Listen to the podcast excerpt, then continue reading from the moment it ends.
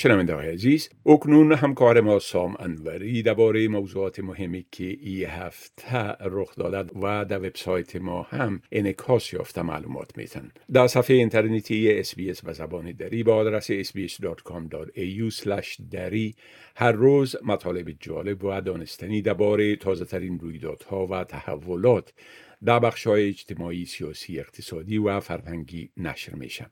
آقای انوری با عرض سلام. خب اولتر از همه اگر بگوین که به صورت عموم چی رویدادهای مهم ای هفته رخ داده که در وبسایت ما هم نشر شده. با سلام به شما و شنوندگان عزیز. خب این هفته را با روز جهانی پناهندگان آغاز کردیم. اما بامداد روز چهارشنبه و وقت محلی یک زمین لرزه نیرومند در ولایت های شرقی پکتیکا و خوست در افغانستان به وقوع پیوست که همه جهان را در شک فرو برد.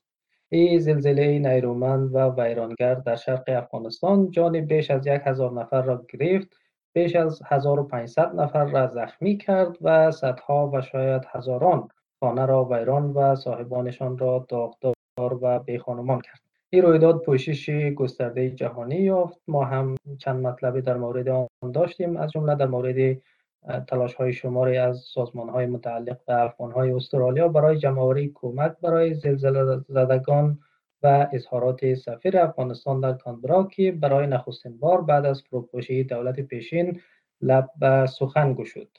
در آغاز هفته پناهندگان یک خبر خوش داشتیم. نتایج نهایی انتخابات سنا بالاخره اعلام شد. و فاطمه پیمان نامزد حزب کارگر از استرالیای غربی به مجلس سنای فدرال راه یافت و بدین ترتیب نام خود را به عنوان اولین سناتور افغان تبار ثبت تاریخ استرالیا کرد. در این رابطه هم چند مطلب داشتیم و همچنین مصاحبه با خود خانم پیمان داشتیم که شنوندگان عزیز ما می‌تونند او را در وبسایت ما بشنوند. همچنین در جریان هفته پناهنده موضوع مطرح دیگر سرنوشت دارندگان ویزاهای موقت پناهندگی بود. هزاران نفر از پناهندگان افغان از سالها بعد این سو با ویزاهای پناهندگی سه ساله و پنج ساله در استرالیا زندگی می کنند و اکنون به صبرانه منتظر هستند که حزب کارگر به وعده انتخاباتی خود عمل کنه و بالاخره آنها را از بلا تکلیفی و دوری از خانواده هایشان برهانه مطلب هم در مورد خود هفته پناهنده و تاریخچش در استرالیا و همچنین وضعیت کلی پناهندگان در جهان داشتیم.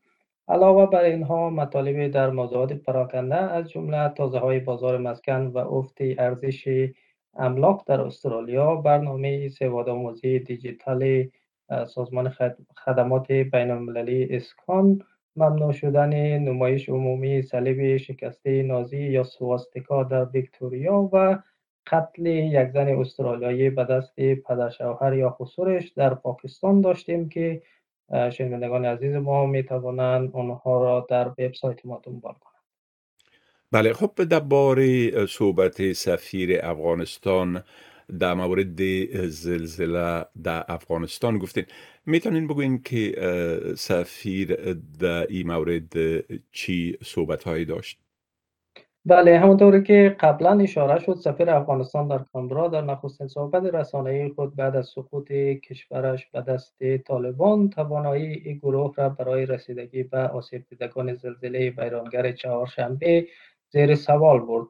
وحید الله ویسی با ابراز تردید جدی نسبت به ظرفیت طالبان از جامعه جهانی خواست که نقش عمده را در تلاش های امداد رسانی به زلزله زدگان بر عهده بگیرد.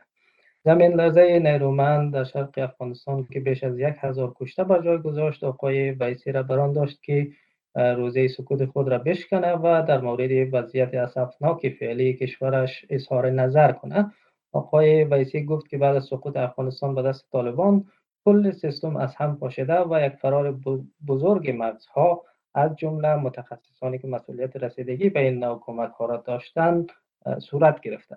آقای ویسی گفت که به دلیل وضعیت تبعیدی خود هیچ گونه ارتباطی با رژیم کنونی در افغانستان ندارد تا بر تصمیم گیری های آنها تاثیر بگذارد.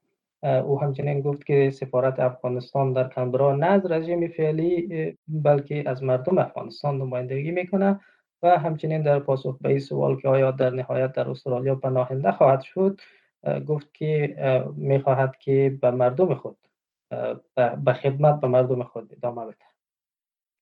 بله خب درباره ویزاهای موقت گفتین.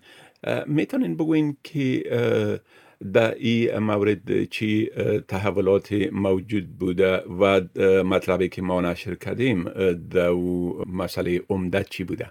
بله استرالیا طی دهه ها به نزدیک به یک میلیون آواره پناه داده و بسیاری از این پناهندگان مشارکت قابل توجهی هم در جامعه استرالیا داشتند. اما کشور در حال از روز جهانی پناهنده و هفته پناهنده تجلیل کرد که هزاران دارنده ویزاهای موقت پناهندگی خواستار پایان دادن به زندگی در بلا تکلیفی هستند. بر بنیاد آمار حدود سی هزار نفر در استرالیا با ویزاهای پناهندگی موقت موسوم به تی پی وی و شف زندگی می کنند که هزاران نفر آنها اهل افغانستان هستند. دارندگان این نوع ها قبلا از حق سفر بدون اجازه حکومت محروم بودند و همچنین اجازه نداشتند ندارند که خانواده های خود را به استرالیا بیاورند حزب کارگر در دوران مبارزات انتخاباتی وعده سپرده بود که به این عده از پناهندگان اقامت دائمی میده اما با گذشت حدود یک ماه از به قدرت رسیدن این حزب هنوز معلوم نیست که فرایند دائمی شدن این افراد چگونه و از چه وقت آغاز خواهد شد. حزب کارگر همچنین وعده داده بود که میزان پذیرش سالانه استرالیا را از طریق برنامه بشردوستانه به تدریج از 13750 نفر بالا می‌بره. همچنین اندرو جایلز وزیر مهاجرت جدید گفته که حزب کارگر به وعده های انتخاباتی خود پابند است اما اصلاح سیستم زمان می‌بره و پناهندگان دارنده ویزاهای موقت هنوز باید منتظر بماند بله خب آقای انوری از این معلوماتتان یک جهان تشکر و فعلا شما را به خدا می سپارم و روز خوش برتان آرزو می کنم تشکر از شما خدا نگهدار.